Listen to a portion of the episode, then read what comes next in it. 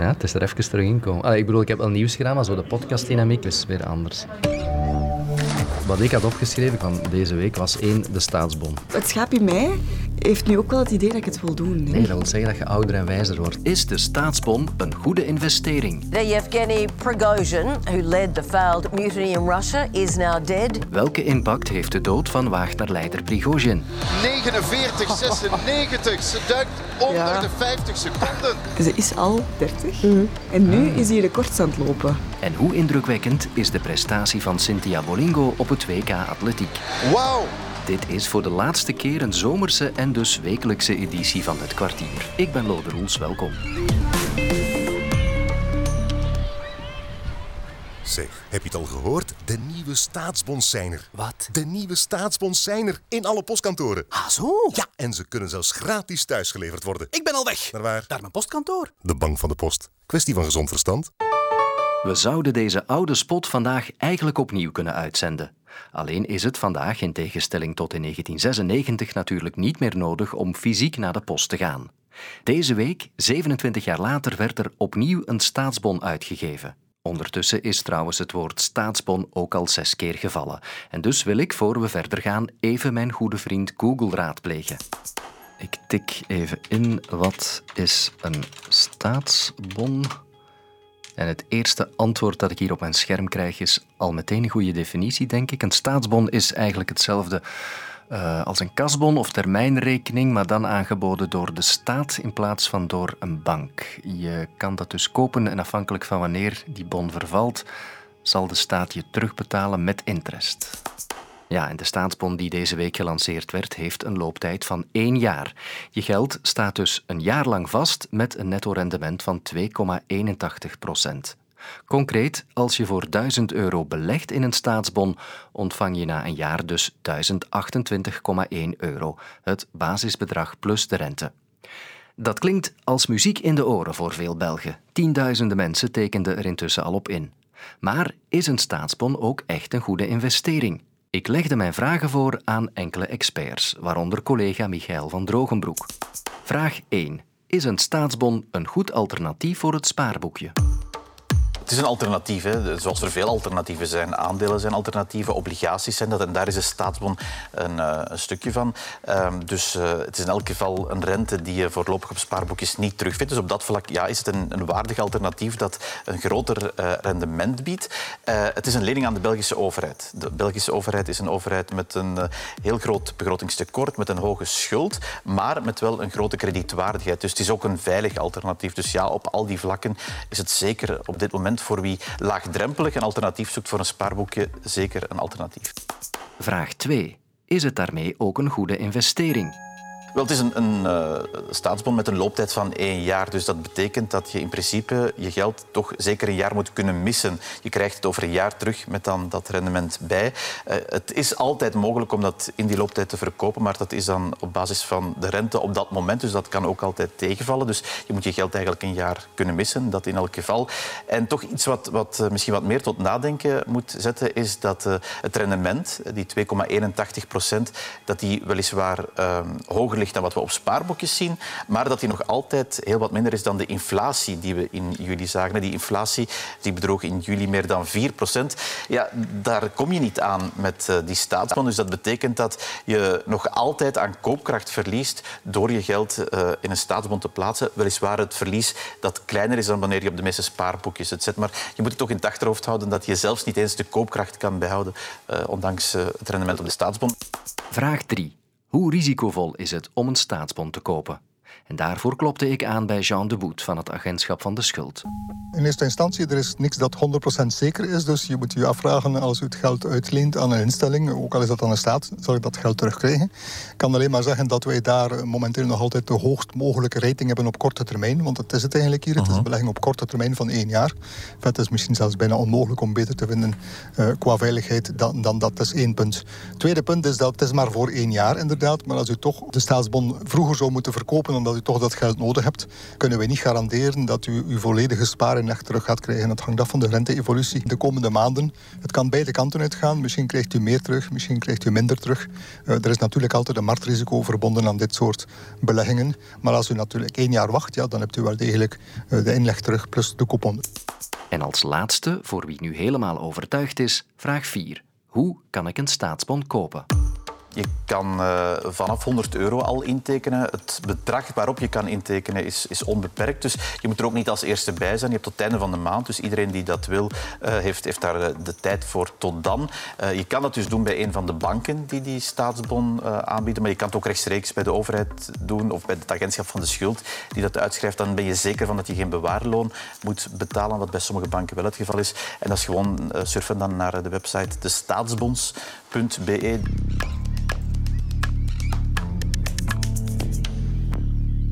Op woensdagavond kwam er nieuws binnen waarvan de impact niet meteen duidelijk was. Een privévliegtuigje was gecrashed tussen Moskou en Sint-Petersburg. Op amateurbeelden zagen we het toestel loodrecht naar beneden vallen. Пиздец, это беспилотник.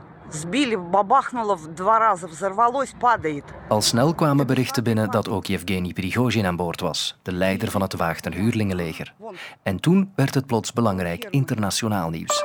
Tonight, the mercenary leader who defied Putin dies in a plane crash. C'est une annonce choc que figurait parmi la liste des passagers l'homme d'affaires Evgeny Prigozhin. Russian aviation officials have confirmed that Yevgeny Prigozhin was on board a private jet that fell out of the sky north of Moscow.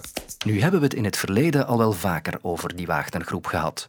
Over hoe de Russische privémilitie vooral actief is in Oekraïne, maar ook bij andere conflicthaarden opduikt over hoe de leider Yevgeny Prigozhin zich opwerkte van cateraar tot vertrouweling van de Russische president Poetin. En eind juni nog over de opstand van Wagner tegen de Russische legerleiding.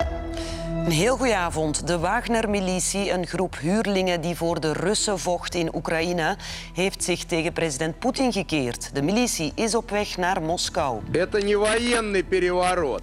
Это марш справедливости. Dat er sindsdien een haar in de boter zat tussen Prigozhin en Poetin was duidelijk. We gaan er op dit ogenblik van uit dat Prigozhin dood is. De vraag is of we ooit de ware toedracht hierover zullen kennen. Hoe dan ook lijkt de Wagnerbaas volgens veel experts de ultieme prijs te hebben betaald voor zijn confrontatie met Poetin. Ik kon erover praten met Hubert Smeets, historicus en journalist, verbonden aan de organisatie Raam op Rusland. Dag, goedemiddag. Was de dood van Prigozhin voor hem een verrassing?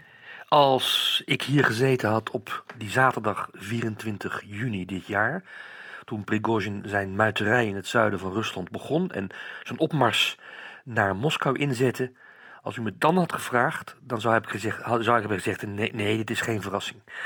Dit uh, heb ik zien aankomen. Het was toen evident uh, dat hij of zou winnen of de muiterij met zijn leven zou bekopen.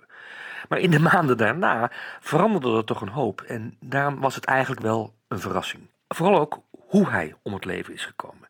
Hoe hij is geliquideerd, want zo kan je het wel noemen. Ja, u spreekt van een liquidatie. Is het dat inderdaad? En, en wie zit daar dan achter? Want iedereen lijkt naar Poetin te wijzen nu. Nou, zijn woordvoerder, uh, Dmitri Peskov, de voorlichter van het Kremlin, heeft gezegd vandaag, desgevraagd op een persconferentie, dat dit een absolute leugen is. Maar zoals velen weten, um, zegt Peskov vaak precies het omgekeerde van de waarheid. Dus die absolute leugen, en vooral ook dat woord absoluut, dat maakt uh, zijn ontkenning onbetrouwbaar. Bovendien heeft Poetin uh, de dag na de uh, liquidatie, eliminatie van de Wagner-top, zelf, je zou kunnen zeggen, de dood van Prigozhin naar zich toe te trekken. Door zijn familie te condoleren, door te zeggen dat Wagner als huurlingenleger goed werk heeft gedaan, maar dat Prigozhin toch wel een gecompliceerd karakter had en veel fouten had gemaakt in zijn leven. Dus ik denk dat we ervan mogen uitgaan dat misschien het Kremlin zelf niet deze moord heeft beraamd, maar wel goedkeuring heeft gegeven aan de liquidatie. Nou ja, u zei ook, ik vind het opvallend, eh, de manier waarop hij is omgekomen. Wat bedoelt u daarmee? Nou, het is wel met een mug op een olifant schieten. Hè? In dat vliegtuig is iets gebeurd, een explosie van binnenuit. Er zijn ook geruchten, eh, hoewel die ontkend worden nu door de Amerikaanse uh, inlichtingendiensten, dat die zou zijn neergeschoten door een, uh, door een raket vanaf de grond. hoe dan ook, Ze hadden, je zou zeggen, het eenvoudiger kunnen doen. Door hem in de straat ergens neer te knallen van achter of van voren. Dat maakt niet uit. Maar ze hebben ehm, bewust of onbewust, dat kan ik niet beoordelen, ehm, hem en zijn hele entourage te grazen willen nemen. En daarmee maken ze hem ook groter dan hij misschien was. Wat gebeurt er nu met dit Wagnerleger, denkt u, nu de top eigenlijk verdwenen is? Nou, de vraag is nu of de, de gewone soldaten, de gewone officieren in Laken, Wagner zich inderdaad zullen laten integreren in het reguliere leger van Rusland. Of zullen overstappen naar een van die, uh, een van die huurlingenlegers die wat kleiner zijn en dus een wat minder gevaar zijn voor de Russische staat. Uh, als dat gebeurt, dan wordt Wagner geliquideerd, maar tegelijkertijd ook grotendeels verplaatst. En dat zou voor Poetin gunstig kunnen zijn, want dan heeft hij niet meer het gevaar dat er een gewapende staat binnen de staat is die hem kan bedreigen in het Kremlin. En welke gevolgen heeft dit volgens u voor de oorlog in Oekraïne? Want daar waren ze heel actief natuurlijk. Ja, maar de laatste maanden ook al niet echt meer. Okay. Uh, maar het is zeker een opsteker voor Kiev. Al is het maar omdat de Wagner-troepen die in Belarus, in het noorden van Oekraïne, ten noorden van Oekraïne, uh, waren gelegerd, uh, nu vermoedelijk niet meer zullen worden ingezet en kunnen worden ingezet tegen Oekraïne. Dat heeft ook de Belarusische president Lukashenko min of meer gezegd afgelopen week.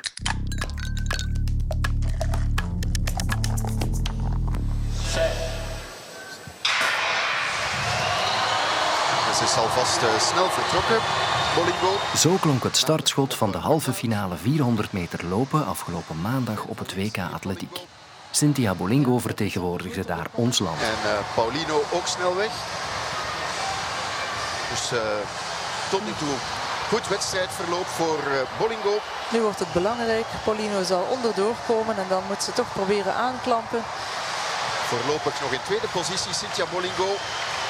Maar de Leuke zal ook uh, meekomen uit die bocht, maar uh, zit inderdaad ja. nog achter Bolingo. Dus nu is het echt vast bij te blijven gaan. Maar het doet ze fantastisch.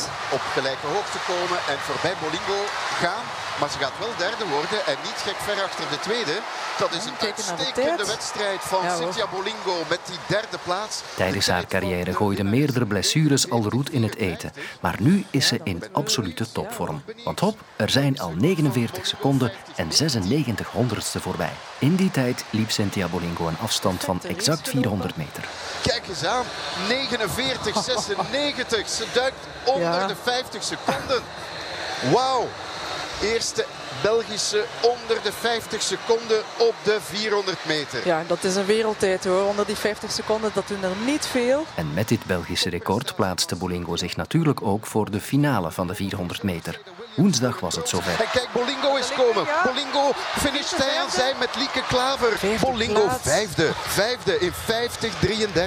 Ja, ik vind dit ronduit fenomenaal. Sportza-collega Bert Sterks zag het allemaal met zijn eigen ogen gebeuren. Ja, ja, dat is zeker een, een heel opmerkelijke prestatie. Het gebeurt zelden of nooit dat een loper of loopster uit België een finale kan halen op mondiaal niveau. Dus uh, dat is uitzonderlijk op zich al. Ook haar tijd die ze voor die finale had uh, gelopen, haar Belgisch record met een chrono onder de 50 seconden. Dat is echt wel iets om, om trots op te zijn voor haar. Maar een finale halen, finale lopen, vijfde worden daarin ook nog net zoals Kim Gevaert veel jaar eerder. Dat is zonder meer iets uniek. Kim Gevaert is inderdaad de enige Belgische vrouw die het haar al voordeed op de 100 meter. En zij werd tijdens die finale van Bolingo helemaal teruggecatapulteerd naar haar eigen sprint in 2007. Inderdaad, bleef dat dan toch wel echt helemaal opnieuw. Die stress komt ook wel even terug als ik Cynthia daar dan zo zag staan. Maar zoals ze zelf zei, ze mag echt ontzettend, ontzettend pier zijn op haarzelf van zo'n zo'n top 5 halen in de 400 meter. Op een wereldkampioenschap is echt heel, heel mooi. En niet alleen als atlete, maar ook als persoon is ze een straffe vrouw. Een hele uitgesproken persoonlijkheid. Ze is intelligent, ze denkt heel veel na. En wat we ook wel hebben gemerkt in de jaren, door wat ze allemaal heeft meegemaakt, met haar blessures, maar ook door het verlies van haar vader bijvoorbeeld tijdens corona, is het echt wel iemand die er staat. Niet meer de wat onzekere atleten die we vroeger wel een keer zagen, maar met de jaren is er echt wel een, een vrouw. Cynthia Bolingo is een, een sterke vrouw die voor je staat wanneer je haar interviewt. Voilà, c'est des moments qui, mine de rien, sont rares. Donc oui, je suis vraiment fière de moi. Me dire que je fais un top 5 championnat du monde sur 400, c'est vraiment, c'est vraiment incroyable. Dat klinkt beloftevol. Benieuwd dus wat het nog kan geven in de toekomst. Alles zal afhangen van haar fitheid, denk ik. Want bijvoorbeeld ook nu weer is, uh, is ze niet helemaal fit na haar wedstrijden in de 400 meter individueel. Heeft ze last van, ik dacht, de kuit. En uh, is haar aantreden met de Belgian Cheetahs voor komend weekend in de estafette helemaal niet zeker. Dus wat in het verleden voor haar van tel was, is dat zeker ook voor de volgende jaren. Als ze deze vorm kan aanhouden, ze heeft geen zware blessures meer, ze kan haar kwaaltjes onder controle houden, dan denk ik wel dat ze nog een paar jaar op het eh, topniveau kan presteren. Dan eh, zijn er zeker mooie spelen in het verschiet voor haar. Wij hebben samen met Cynthia Bolingo ook iets om naar uit te kijken, want onze zomervakantie zit erop. Vanaf maandag start het tweede seizoen van het kwartier zijn we terug elke werkdag rond 4 uur in de namiddag te vinden in de app van VRT Nieuws. Tot maandag. Luister ook naar de podcast van de week, waarin Stijn van de Voorde zijn licht laat schijnen over het popnieuws samen met een bekende gast. Nu in de app van VRT Max.